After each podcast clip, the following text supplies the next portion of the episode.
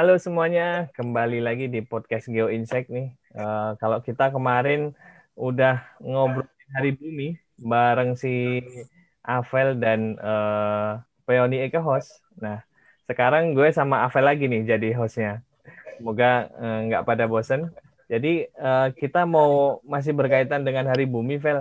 Kita mau uh, kalau kemarin kan kita bahas tentang zero waste ya. Nah, kita saat uh, episode kali ini kita akan coba ngobrolin tentang uh, gimana sih gaya hidup yang uh, minimalism gitu. Menarik. Iya. Vel. Kita ajak siapa nih, Vel, sumbernya?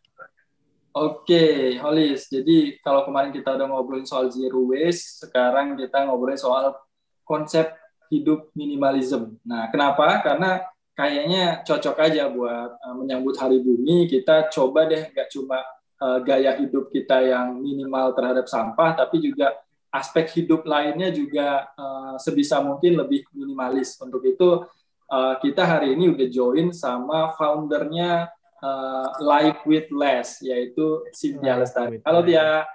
Hai, thank you, thank you udah diajakin ya, ngobrol. Makasih juga udah jadi narasumber kita di episode kali ini. Oke, okay, jadi uh, thank you Tia udah udah meluangkan waktu untuk ngobrol sama kita siang hari ini. Tapi sebelumnya mungkin di luar sana beberapa terutama mungkin teman-teman geoscience ya belum banyak kenal tentang apa itu live witness ataupun profil Tia sendiri. Jadi sebelum kita ngobrol lebih jauh mungkin Tia bisa perkenalan dulu nih ke teman-teman latar belakang serta aktivitas sehari-harinya ngapain aja. Oke, okay. halo semuanya pendengar Radio Insight. Uh, thank you banget udah dengerin episode kali ini sama aku Cynthia. Nama aku Cynthia Sucilestari, biasa dipanggil Cynthia. Sehari-hari aku adalah seorang ibu dan juga seorang istri di rumah. Uh, keseharianku ke, atau kegiatanku itu memang lebih banyak mengurus keluarga dan juga ngurusin komunitas aku nih, keluarga kedua aku. Jadi aku punya komunitas yang aku dirikan sejak tahun 2018 namanya Life with Less. Life with Less ini adalah komunitas yang menaungi penggiat gaya hidup minimalis di Indonesia.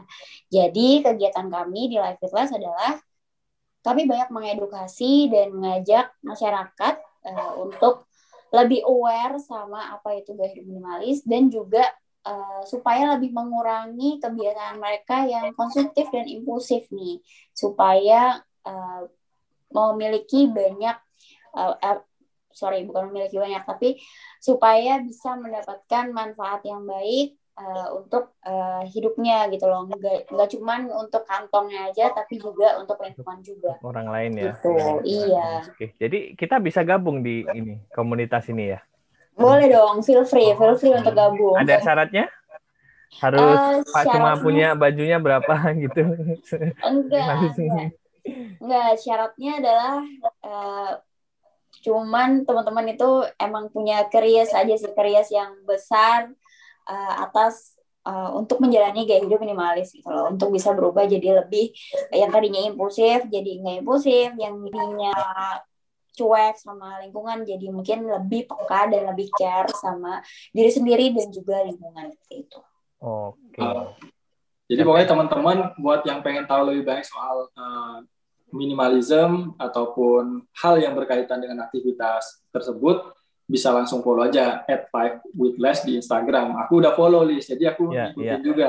Aku udah follow juga, Pak. Thank you loh. Oke, okay. sebelum kita ngobrol lebih jauh tentang aktivitas live with less ataupun uh, konsep minimalism yang lebih rinci, si Tia bisa cerita dikit nggak ke kita tentang apa sih uh, konsep minimalism itu dan, dan yang benar apa sih minimalism, minimalis atau apa sih sebenarnya yang yang diperjuangkan uh, oleh Tia dan teman-teman ini? Oke, jadi minimalism atau gaya hidup minimalis ya atau minimalisme itu adalah sebuah pola pikir, sebuah cara pandang atau sebuah gaya hidup di mana kita itu hanya berfokus pada apa yang menurut kita tuh esensial gitu.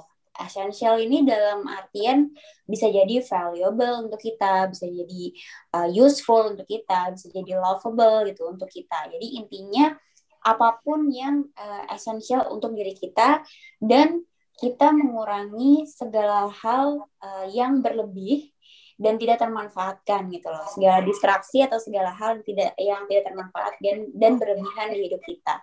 Tujuannya apa? Tujuannya untuk bisa mendapatkan ketenangan untuk bisa dapetin lebih banyak kebahagiaan lebih bisa merasakan rasa syukur dan juga uh, lebih bisa uh, merasa cukup gitu ya. Itu sebenarnya esensi dari minimalism. Oke. Kalau uh, dari awalnya itu bikin live with less ini sama si uh, Tia menjalani konsep yang uh, hidup yang minimalis itu gimana sih awalnya? Ya. Oke. Okay. Untuk awalnya sendiri sebenarnya sebenarnya tuh waktu terbentuknya live with less itu bukan bukan memang dikhususkan atau bukan untuk uh, sebagai komunitas gitu ya. Sebenarnya tadinya live with less itu adalah sebuah self healing jurnal digital aku gitu loh. Jadi oh. pada saat itu memang uh, aku tuh tiga tahun lalu lah, tiga tahun lalu itu merasa lagi terhimpit sama quarter life crisis. Mungkin uh, pendengar juga ngeh ya sama yang sama istilah ini gitu ya quarter life crisis buat dede-dede yang mungkin baru baru baru menjalani fase menuju kedewasaan nih. Dan itu uh, cukup cukup mengganggu banget pada saat itu gitu. Kayak ketimpa financial crisis ketimpa peer pressure gitu ya. Terus juga career crisis. Nah ditambah pada saat yang sama uh, kebetulan aku juga seorang yang sangat konsumtif pada saat itu. Jadi kan punya uang gitu ya punya gaji gitu. Terus juga punya karir. Jadi tiap bulan harus ada uh, foya-foyanya nih. Nggak bukan cuma tiap bulan tapi mungkin kayak sering banget ngelakuin uh, beli-beli barang yang nggak nggak mikir dulu gitu loh. Terus juga liburan nggak mikir dulu. Pokoknya yang penting gue uh, bisa uh, bisa happy happy gitu pada saat itu. Nah jadi waktu itu oh sebentar ada bunyi. Ya jadi pada saat itu lagi konsum lagi masa-masanya konsumtif banget terus dapetin krisis gitu ya krisis finansial eh, nggak uh, punya tabungan. Nah di situlah kayak turning pointnya gitu loh. Gila gue kayaknya uh, apa sih namanya diambang diambang uh, krisis banget gitu loh. Nggak nggak tahu mau gimana nggak tahu mau ngapain udah cerita ke mana-mana tapi rasanya kayak nggak kayak nggak ya? kayak nggak plong aja gitu. Rasanya masih kusut gitu kan belum ditambah banyaknya dapet toxic positivity juga gitu kan. Uh, ya udah banyakin ibadahnya gitu. mungkin sholatnya kurang kencang gitu kan. Tapi it, sedekahnya it kurang didn't help me gitu loh. Iya it, it didn't help me uh, at all gitu loh. Dan uh, sampai pada akhirnya singkat cerita karena waktu itu aku tinggal di kosan dan berdua sama temanku gitu ya sahabatku kita tuh memutuskan untuk beberes kosan gitu pada saat itu. Nah waktu itu tiga tahun lalu tuh lagi zaman zamannya banget uh, beauty influencer itu bermunculan. Jadi di YouTube, di Instagram itu kayak ada aja tuh ya konten uh, make up, konten skincare, beauty, beauty konten lah ya. Dan, hmm. dan untuk kita kita yang baru ngerasa uh, punya uang gitu ya, baru ngerasa punya uang, jadi kayak ngerasa butuh dan ngebeli semua yang direkomendasiin sama beauty influencer tersebut gitu loh. Nah suatu hari kita memutuskan untuk beberes kosan, milih gitu ya mau milah mana sih sebenarnya uh, beauty products yang masih dan memang uh, cocok sama kita dan mana yang enggak gitu loh. And uh, ternyata banyak banget kita ngeluarin barang yang uh, tidak kita manfaatin gitu loh. Kayak mungkin uh, hampir mungkin lima dus kali ya lima dus tuh isinya baju, tas, sepatu, bahan makanan yang expired, terus juga beauty products yang emang ternyata kita nggak suka dan bahkan ada yang juga expired gitu loh. Jadi ada banyak banget sampah di sekitar kita gitu loh di di di tempat kita tidur gitu loh di, di kosan kita itu sebenarnya banyak banget gitu. Nah, begitu kita keluarin, itu rasanya cukup hmm, kaget itu karena kok rasanya plong banget dan jauh lebih punya uh, nafas yang lebih uh, bisa intentional gitu lebih lebih bisa nafas dengan mindful lah ya kayak kayak lega gitu rasanya. Terus juga uh, pikiran juga jauh lebih segar jauh lebih bisa mikir untuk solusi masalah gue ini ke depannya gue harus ngapain lebih lebih bisa punya punya intinya lebih punya angin segar lah untuk mikir lebih jernih solusi dari masalah-masalah yang ada. Terus juga uh, apa namanya entah kenapa jadi moodnya lebih happy dan lebih betah di kosan gitu. Karena sebelumnya bawaan itu kepengennya keluar kosan aja gitu ya, keluar ya kayak main ya. iya nggak betah di rumah gitu loh nggak betah di kosan gitu kan. Harus harus keluar terus harus jajan terus gitu. Tapi setelah beres dan setelah punya ruang yang lebih lapang wow ternyata berubah banget gitu loh. Dan nggak cuma beberes eh, barang-barang aja gitu. Ternyata uh, aku juga pada saat itu beberes sosial media, following gitu ya. Followingnya itu banyak yang aku unfollow. Terus juga apps di handphone banyak yang aku hapus, foto-foto yang emang duplikasi, foto-foto grup yang cuma beda uh, gaya doang itu dihapus-hapusin gitu loh. Terus juga grup chat di WhatsApp gitu ya, grup chat di WhatsApp yang emang udah nggak aktif lagi ya buat apa ya dihapusin, chat-chat segala macam notifikasi dari oh, macam-macam deh itu jadi jadi nggak cuma barang yang pada saat itu diberesin tapi juga semuanya gitu. Termasuk circle pertemanan juga gitu pada saat itu. Hmm. dan uh, ngerasain tuh ternyata manfaatnya gede banget untuk mental sampai uh, aku tuh cari tahu gitu di di search engine gitu ya cari tahu kayak sebenarnya ada nggak sih korelasi antara beberes dengan mental? Yang ternyata memang ada gitu ada ada korelasinya dan itu namanya yang aku lakukan adalah decluttering dan decluttering itu is part of minimalism. Jadi pada saat itu aku baru mengenal ada istilah minimalism, baru mencintai dan baru uh, curious tentang minimalism gitu loh. Sejak saat itulah aku tuliskan di uh, akun Life It Last gitu. Eh ternyata ketika aku menuliskan akun di akun Life It Last, engagementnya itu banyak banget orang-orang yang merasakan experience dan juga uh, problem yang sama dengan apa yang aku rasakan gitu. Jadi uh, sampai sekarang uh, banyak teman-teman yang curhat gitu ya dan kita ladenin memang jadinya uh, wah kayaknya ini emang udah bukan uh, aku aku nggak pengen akun ini cuma bermanfaat untuk aku doang tapi juga untuk banyak orang gitu. That's why aku ganti uh, live itu bukan cuma jadi self healing jurnal digital aku tapi juga uh, jadi komunitas yang untuk healing semuanya gitu loh untuk jadi memang wadah informasi, wadah sharing, wadah diskusi dan wadah healing untuk semua yang memang punya problem yang sama buat aku gitu. Oke, Fel, menarik banget Fel.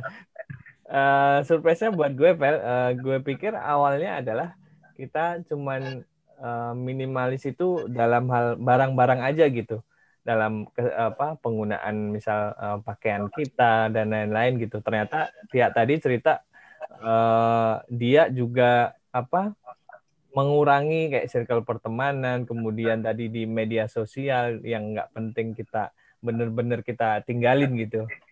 Iya. Iya. Dan dan menariknya juga bahwa Tia sendiri men, menjalani konsep hidup minimalis bukan dipengaruhi biasa ya kalau uh, gaya hidup itu Uh, kalau ya orang-orang terdekat kita ya biasanya terpengaruh oleh lingkungan ya. Karena teman-temannya gaya hidupnya seperti ini kita jadi ngikut. Teman-temannya suka lari di GBK kita jadi ngikut. Ya kayak gitu biasanya kan lifestyle. Ternyata ya ini lifestyle tadi di, di uh, didapat dari pengalaman pribadi ya. Bahkan iya. sebelum tahu konsep minimalisme itu sendiri ya Tia ya. Iya betul betul betul Iya, iya. Nah, sekarang kan Tia berarti uh, udah berapa tahun menjalani konsep hidup minimalism ini, Tia? Tiga tahun lebih berarti? Uh, iya, udah udah tiga tahunan ya. Tapi sebenarnya sebenarnya ya secara secara personality deh, uh, personality dan juga ajaran dari keluarga gitu sebenarnya sih udah ngejalanin ini tuh sebenarnya udah udah dari lama dan aku juga yakin mungkin uh, Mas Avel dan juga uh, Mas Holis juga udah sudah sudah punya nih sebenarnya prinsip-prinsip minimalism gitu loh. Cuman nggak tahu aja ternyata ada namanya itu ada ada labelnya itu itu itu adalah gaya hidup minimalis gitu. Nah cuman setelah aku tahu ada labelnya dan baru menjalani ya terhitung baru tiga, tiga tahun ini gitu. tapi sebenarnya kalau ketika aku nggak tahu itu labelnya apa sebenarnya udah udah udah dari kecil juga sih udah udah tahu gitu loh ada uh, beberapa prinsip-prinsip dan ajaran-ajaran minimalism gitu. Oke, berarti mengenal apa brand minimalism baru tiga tahun tapi menjalannya sebenarnya sudah dari dulu ya. ya iya, mengenal istilah kali ya, mengenal istilah. Mengenal istilah ya benar-benar. Kayak ya sama tadi pas dengar cerita Tia tadi, aku sempat ngalamin tuh masa-masa kalau scrolling di Instagram gitu kan, awal dulu kan aku follow Lambe Turah tuh karena kayaknya seru aja karena tongkrongan yeah, yeah. kayak gitu kan. Tapi yeah, lama-lama yeah. kok ngerasa nggak nyaman ya karena tiap sebentar tuh ada gosip-gosip yang aku nggak butuh tahu itu sebenarnya gitu Betul, betul. Uh, akhirnya aku unfollow, udah lama akhirnya unfollow. Iya, iya, iya. Durah jadinya gitu kan. Dan dan ya benar sih jadi lebih sehat aja scrolling uh, apa Instagram dan dulu kalau tabel explore itu um, isinya kan random ya. Artinya kita pernah ngeklik apa segala macam muncul terus gitu kan. Uh, hmm. Pernah kita ada gosip artis apa gitu kan. Uh, kita sempat baca muncul terus tuh berita tentang artis itu kan agak terganggu. Betul, betul, ya. betul. Uh, waktu itu aku baru tahu juga di Instagram itu ada uh, apa fitur yang namanya ini not interested with this uh, tema gitu loh. Jadi mm-hmm. akhirnya nggak muncul lagi. Sekarang kalau ta- explore Instagram tuh yang muncul ya berita bola, berita One Piece, kartun ya kayak gitu. Jadi uh, ya benar sih akhirnya kalau balik ke konsep minimalism yang di awal disampaikan Tia tadi, balik ke yang the most essential untuk kita ya. Jadi informasi Betul. yang kita dapat itu yang benar-benar yang menyehatkan kita dan surprisingly juga ternyata itu efeknya bisa uh, ke kesehatan mental juga ya.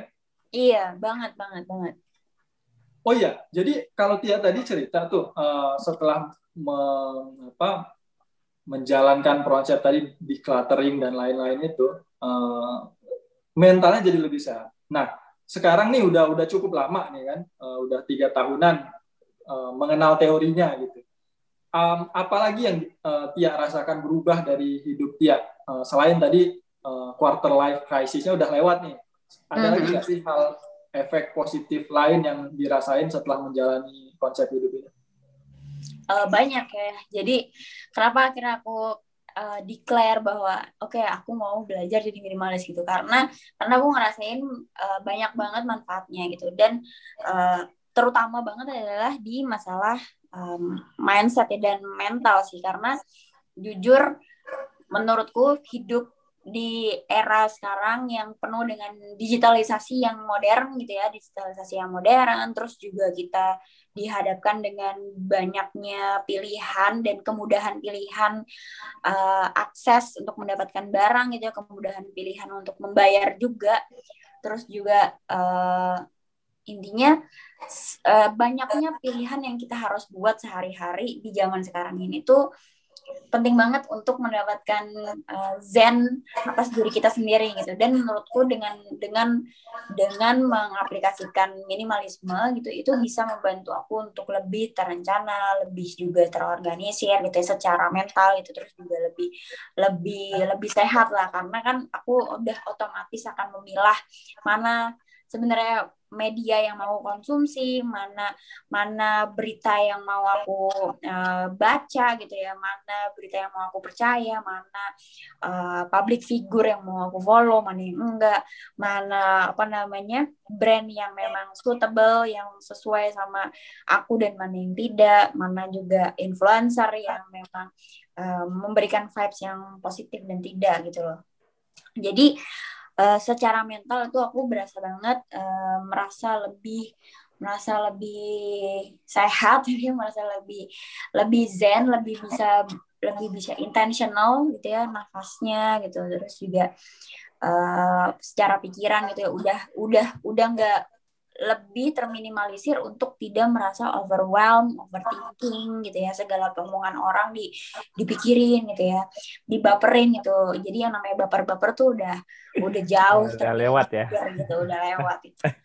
Terus juga selain masalah mental pastinya uh, ke finansial gitu ya. Karena kan dengan jadi minimalis kita otomatis akan memilah konsumsi kita.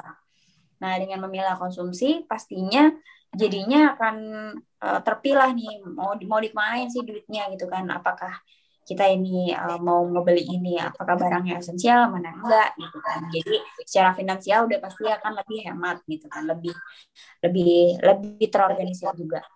Terus selain finansial uh, apalagi uh, ini uh, dampak lingkungan gitu. Jadi sebenarnya jadi lebih care terhadap uh, lingkungan sih.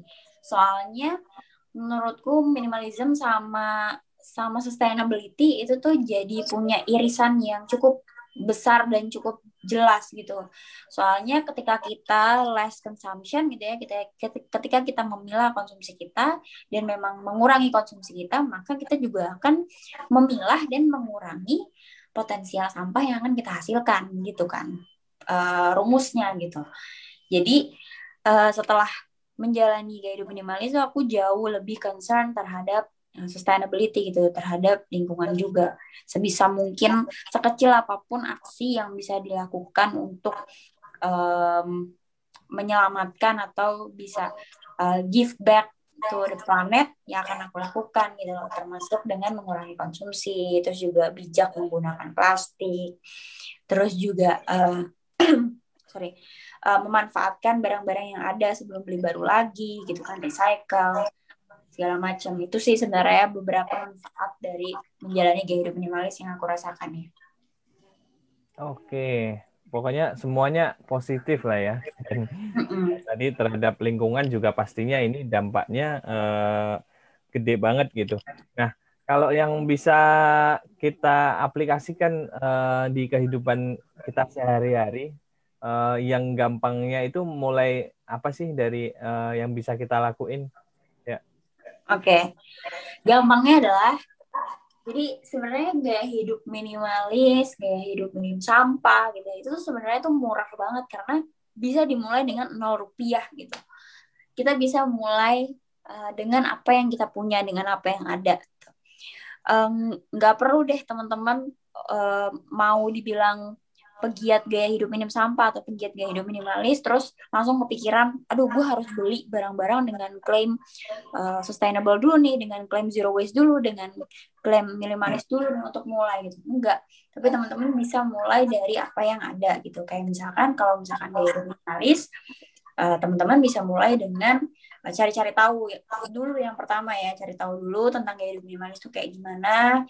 Uh, kalau udah tahu teman-teman bisa mulai dengan uh, decluttering misalkan. Decluttering itu dengan memilah sebenarnya di sekitar teman-teman ini apakah masih bermanfaat nggak barang-barangnya? Nggak usah jauh-jauh deh handphone dulu misalkan. Coba buka galeri handphonenya yang ada sepuluh ribuan itu foto-fotonya coba dibuka coba dipilah. Apakah memang semuanya itu uh, masih mau disimpan gitu. Kadang-kadang kan kita masih nyimpan kayak screenshot screenshot yang nggak penting misalkan kayak gitu. Dan udah udah selesai dipakai misalkan screenshotnya.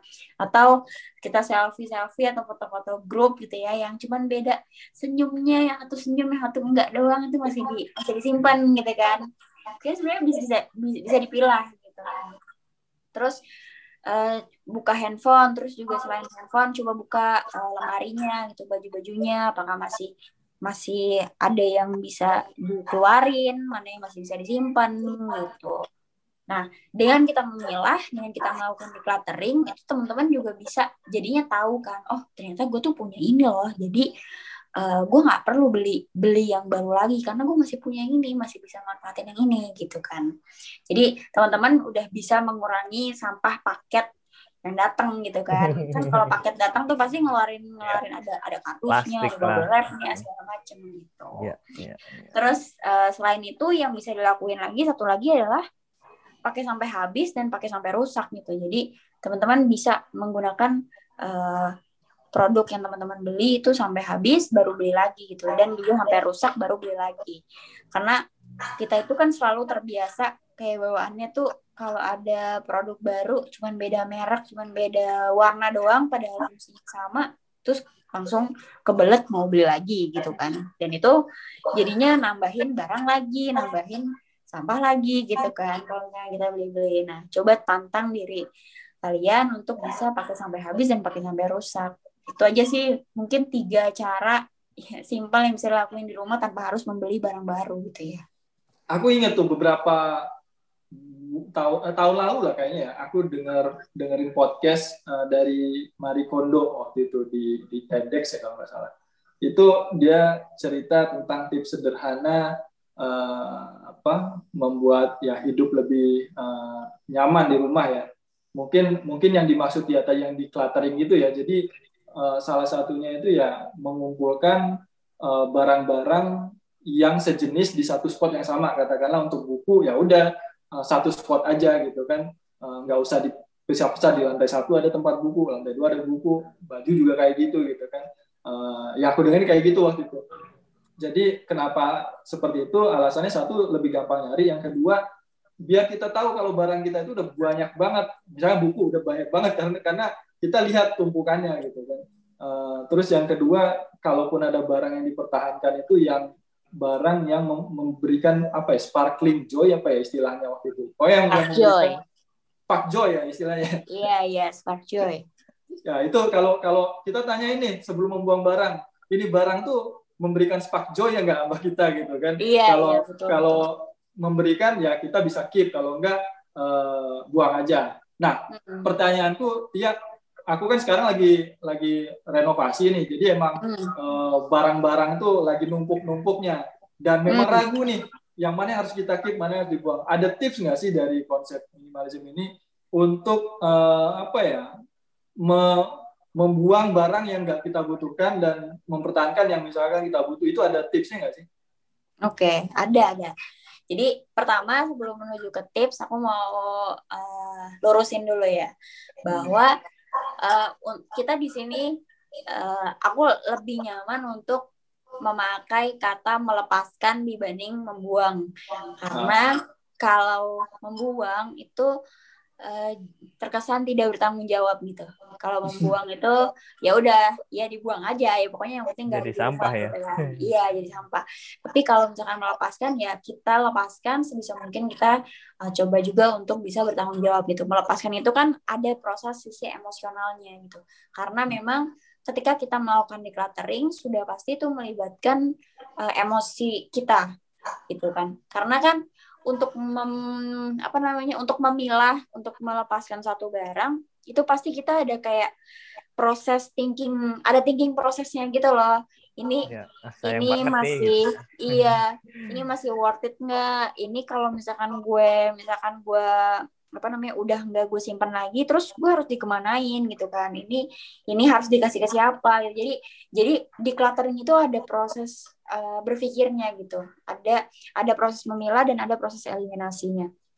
Nah untuk memilah mana yang sebenarnya perlu di keep dan mana yang enggak ada beberapa cara sih sebenarnya. Kalau misalkan Marie Kondo itu dia memang uh, mengencourage kita untuk memegang barangnya. Jadi kita pegang barangnya terus kita kita kita tanya gitu diri sendiri gitu. Sebenarnya barangnya tuh lo masih spark joy gak sih buat gue gitu kan? Kayak masih memberikan uh, rasa happy gitu ya. Masih seneng gak sih ngelihat barangnya gitu? Masih apakah barang ini bisa uh, meningkatkan produktivitas gue gitu? Apakah barang ini masih bisa meningkatkan kreativitas saya gitu? Atau atau sesimpel masih masih seneng gak sih gue lihat gitu? Masih bisa dipakai gak sih gitu? Itu itu caranya sih Marie Kondo gitu kan nah terus mungkin cara selanjutnya yang bisa diterapin adalah selain bertanya pada diri sendiri karena bertanya itu udah udah pasti harus ya tanyain diri sendiri. Terus yang kedua adalah coba kalau misalkan masih ragu gitu ya mau ini kira-kira masih mau disimpan apa enggak nih mau disimpan kok kayaknya udah nggak dipakai tapi dilepasin kok sayang gitu ya coba jauhin barangnya dulu. Jadi jauhin dari pandangan mata kita terus kasih waktu gitu buat diri kita untuk uh, untuk freeze dulu gitu. Kayak misalkan pokoknya uh, kita jauhin barangnya terus kayak kalau misalkan dalam waktu tiga hari kita nggak nggak kepikiran sama barangnya gitu ya. Terus juga nggak make barangnya juga ya berarti itu udah waktunya untuk dilepasin gitu barangnya. Jadi ya kadang-kadang kan kita kayak aduh sayang nih aduh sayang nih sama barangnya. Tuh sayang tapi nggak dirawat. Sayang tapi nggak dipakai.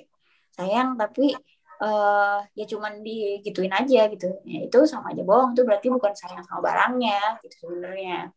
Jadi coba untuk dijauhin barangnya terus uh, lihat tuh aksi kita gimana sama barang itu selama beberapa hari yang kita tentuin gitu. Masih makai enggak masih sayang enggak sama barangnya gitu. Terus selanjutnya adalah coba buat uh, ini sih kalau kalau kalau aku kalau misalkan memilah barang itu yang pertama tuh lihat fungsinya dulu sih. Kayak kalau misalkan barangnya masih aku fungsiin kayak uh, masih bisa aku pakai ya udah aku bakal keep. Tapi kalau misalkan dia uh, jadi kalau kalau misalkan mas masih aku mau pakai ya udah aku bakal bakal keep barangnya. Tapi kalau misalkan barangnya itu kayak ma masih penting gitu ya tapi dia punya duplikasi uh, barang lain gitu jadi misalkan kan kita suka ya kayak misalkan kita punya barang tertentu terus kita punya barang lagi satu lagi tapi ternyata dia tuh fungsinya tuh sama gitu Nah, itu aku mesti pilih salah satunya. Jadi aku cuma mau punya satu barang yang sama dengan fungsi yang sama. Gitu. Jadi aku harus uh, relain nih satunya nih mana yang mau mana yang mau dilepasin gitu selanjutnya gitu sih. Jadi pokoknya tentuin dulu nih kita mau keep barang tuh berdasarkan apa? Apakah fungsinya, apakah estetikanya? Karena kan ada orang yang memang pokoknya gue yang penting uh, sesuai sama yang gue suka dulu deh estetikanya gitu tapi nggak berfungsi misalkan ada yang kayak gitu gitu ya ya kita tentuin gitu. Tapi menurut aku sih yang paling penting adalah fungsinya dulu gitu supaya bisa dipilah. Gitu. Tapi kan pasti uh, tiap orang itu akan di awal pasti akan ngerasa males ya untuk uh, apa sih mengeliminasi uh, atau mengelompokkan barang-barang yang uh, yang enggak yang mungkin dia punya banyak dan nggak uh, jarang dipakai gitu. Misalkan kita ngomongin barang itu di di rumah di rumah kita gitu. Nah ada tips yang uh, apa sederhana nggak untuk memulai gitu dari hal itu? Ya. Oke. Jadi kalau untuk memulai decluttering yang pertama adalah mulailah dari barang-barang yang deket sama kita gitu. Jangan hmm. jangan kayak aduh yaudah deh gue mau di catering uh, dapur gitu ya. Padahal sebenarnya yang deket sama kita kan apa handphone gitu ya. Handphone itu hmm. deket sama kita. Terus juga laci laci di kamar itu kan deket sama kita. Atau mungkin yang biasanya emang lebih deket sama working desk gitu ya ya udah coba aja di cluttering uh, meja kerjanya dulu gitu. Karena di meja kerja tuh juga banyak kan potensial sampahnya. Struk-struk lah dokumen-dokumen yang sebenarnya udah nggak kepake gitu kan. Coretan-coretan yang udah nggak kepake. Atau stationery yang mungkin udah uh, habis gitu tintanya. Itu kan juga banyak sebenarnya di working desk kita. Jadi mulailah dari yang deket sama kita dulu. Yang kecil dan deket sama kita dulu gitu. Jadi jadi bisa lama lama-lama kan belajar gitu kalau dari yang kecil dulu dan dari yang deket. Nah terus ada tiga sebenarnya nih uh, yang perlu diingat uh, saat melakukan decluttering. Yang pertama adalah decluttering itu harus sabar. Jadi kalau misalkan decluttering udah pasti bakalan lebih lama gitu. Karena decluttering itu berbeda sama be beberes.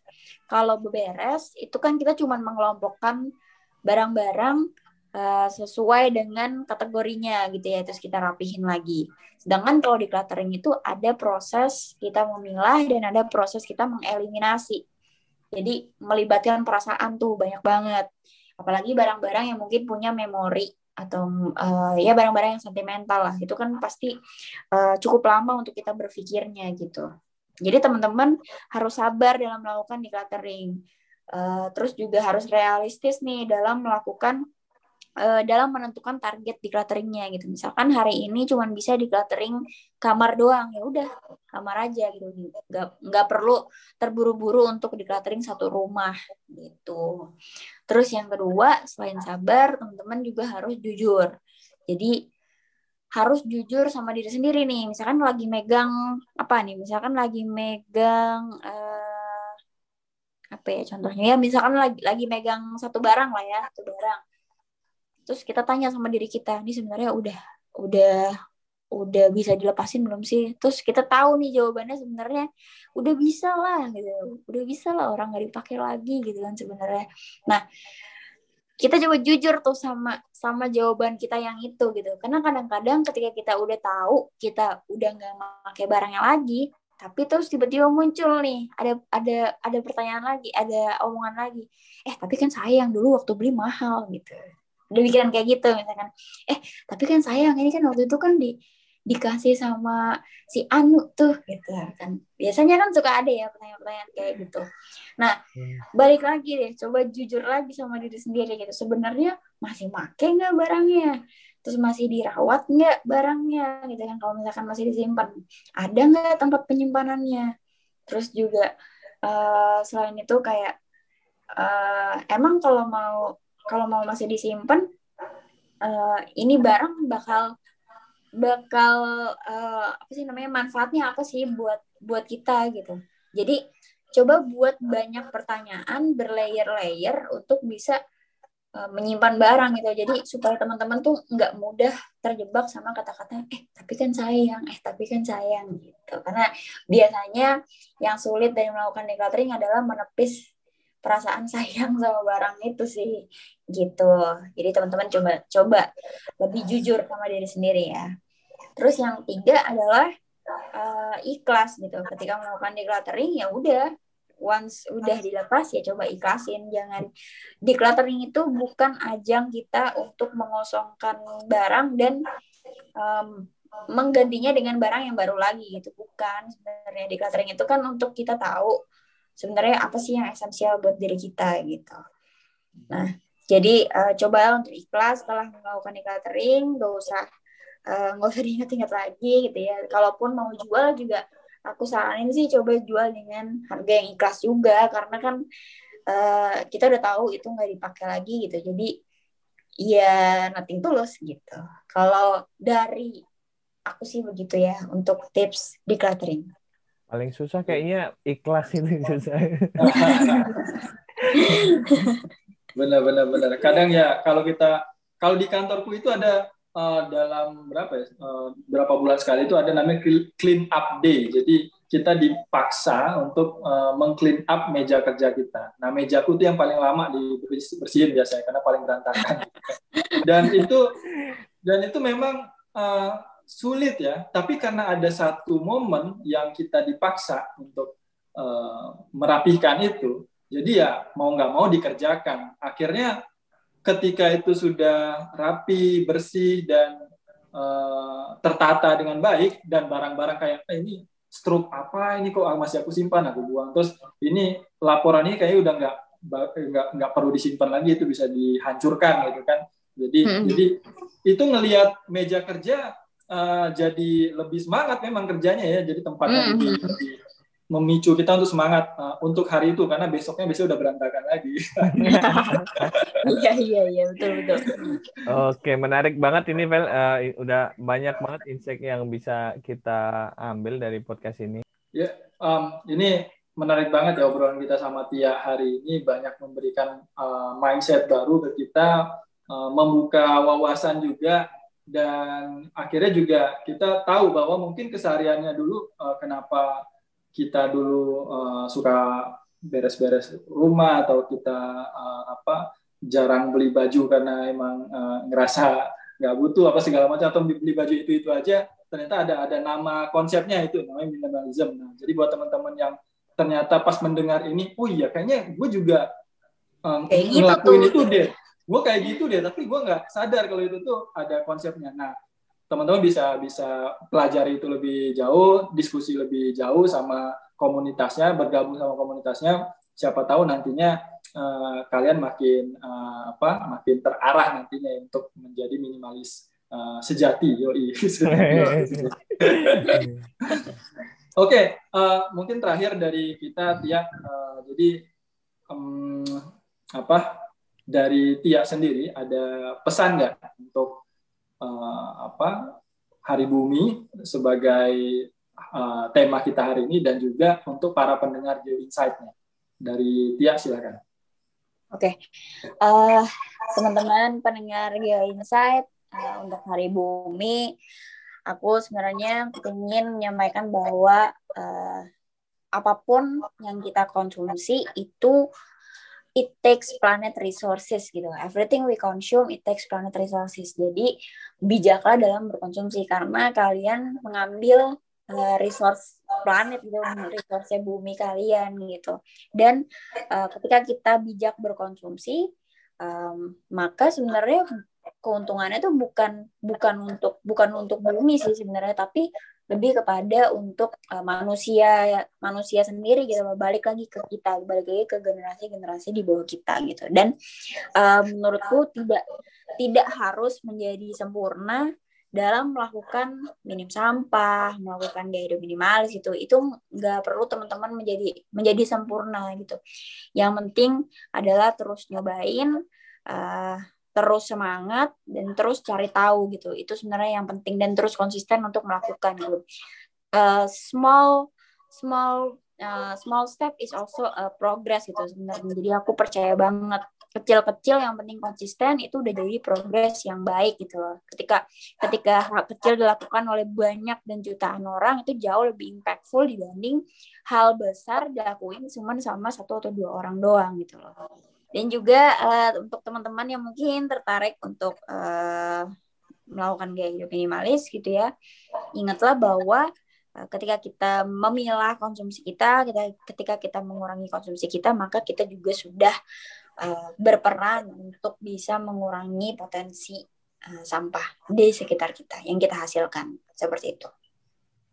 Oke, thank you banget ya dan mungkin kalau aku bisa apa uh, sampaikan sedikit obrolan kita hari ini bahwa minimalisme ini adalah sebuah mindset ya. Artinya kita bisa terapkan ini di setiap aspek kehidupan kita. Nggak nggak melulu hanya soal uh, memilah baju di lemari atau buku atau meja kerja tapi di segala aspek kehidupan. Itu mindsetnya itu penting tadi. Dan manfaatnya banyak sekali baik itu dari segi uh, mental ataupun dari segi uh, ya jiwa kita jadi lebih senang gitu kan uh, tidak hanya uh, dari tubuh tapi dari dompet pun juga jadi lebih bermanfaat karena konsep hidup minimalisme dan mulailah mungkin dari hal-hal yang terdekat dengan kita. Buat teman-teman yang mungkin biasa kerja di uh, laptop gitu kan uh, aku ngerasain juga tuh pasti filing kita kan berantakan banget tuh. Itu agak menyulitkan kita dalam bekerja gitu kan. Yang mulai kita rapihin uh, handphone kita tadi dari galeri-galerinya atau foldering filing yang ada di laptop bisa seperti itu. Dengan konsep yang tadi uh, di kita pilah, kemudian kita pilih, gitu kan, uh, kita tanyakan lagi ini masih bermanfaat apa enggak buat kita. Terakhir kita lepaskan. Nah itu yeah. yang, yang yang kita note dari obrolan cerita Matia. Uh, mungkin itu dari aku Lis, silakan. Oke, thank you banget ya hari ini udah berbagi ilmunya, uh, ilmu yang ini mahal ini Vel. Dan teman-teman bisa teman-teman bisa uh, terapkan mulai aja dulu dari eh, hal-hal kecil dan yang terdekat dari kita.